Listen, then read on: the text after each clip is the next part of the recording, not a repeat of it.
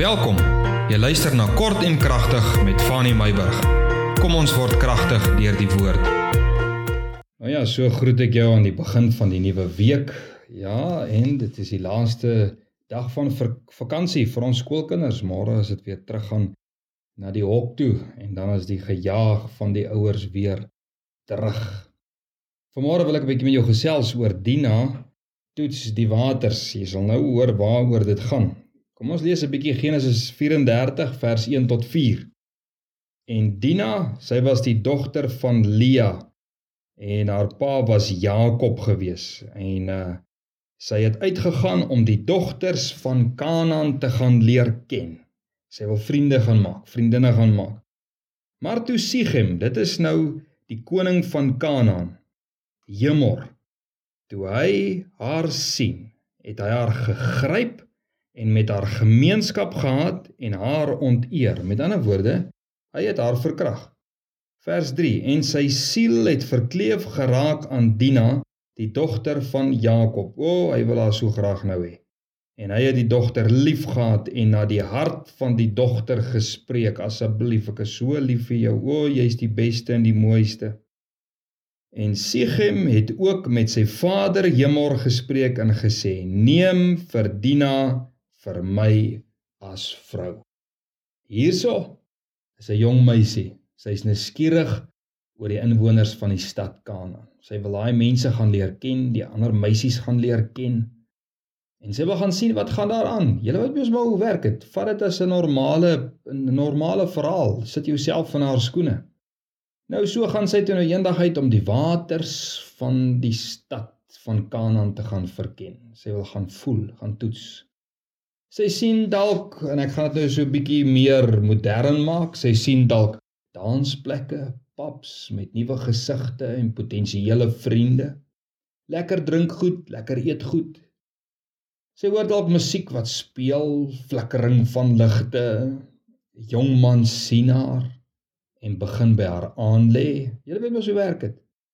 Maak aanmerkings oor haar. O, oh, en sy voel so gevlei en so spesiaal. Maar, maar Daar's 'n spesifieke jong man wat haar ontmoet.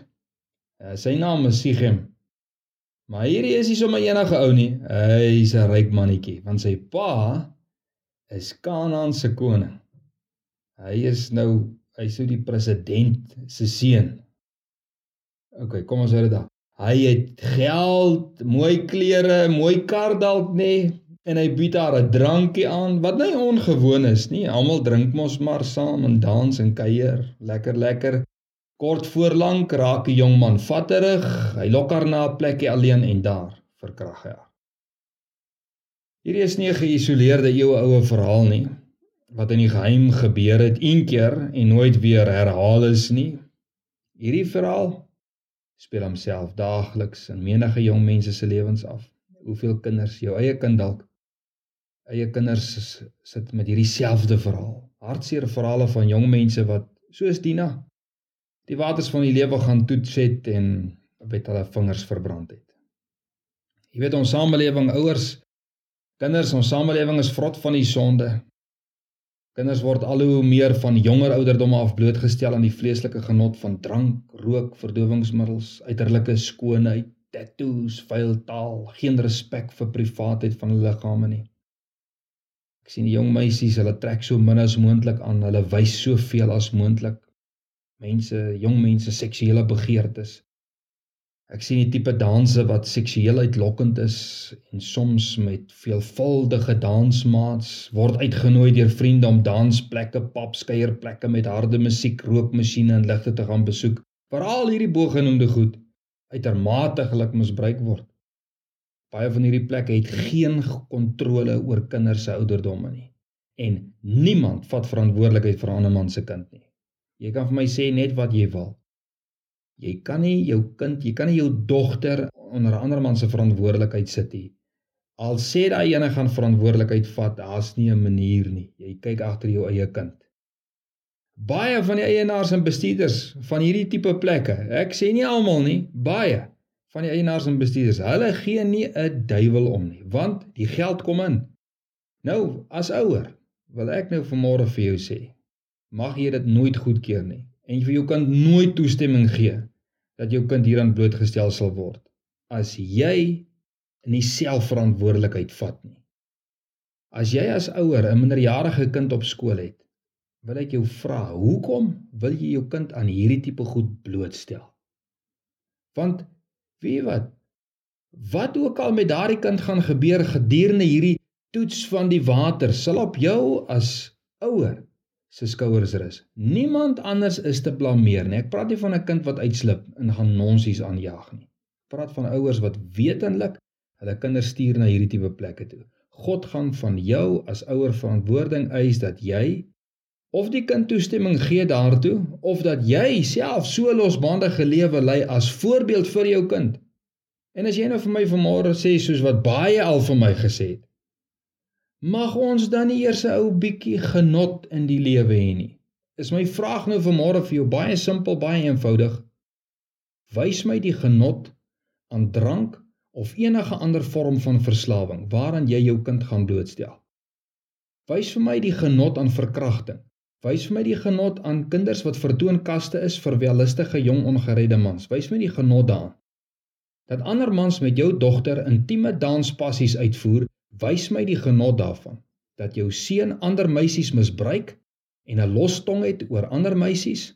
Wys my die genot daarvan.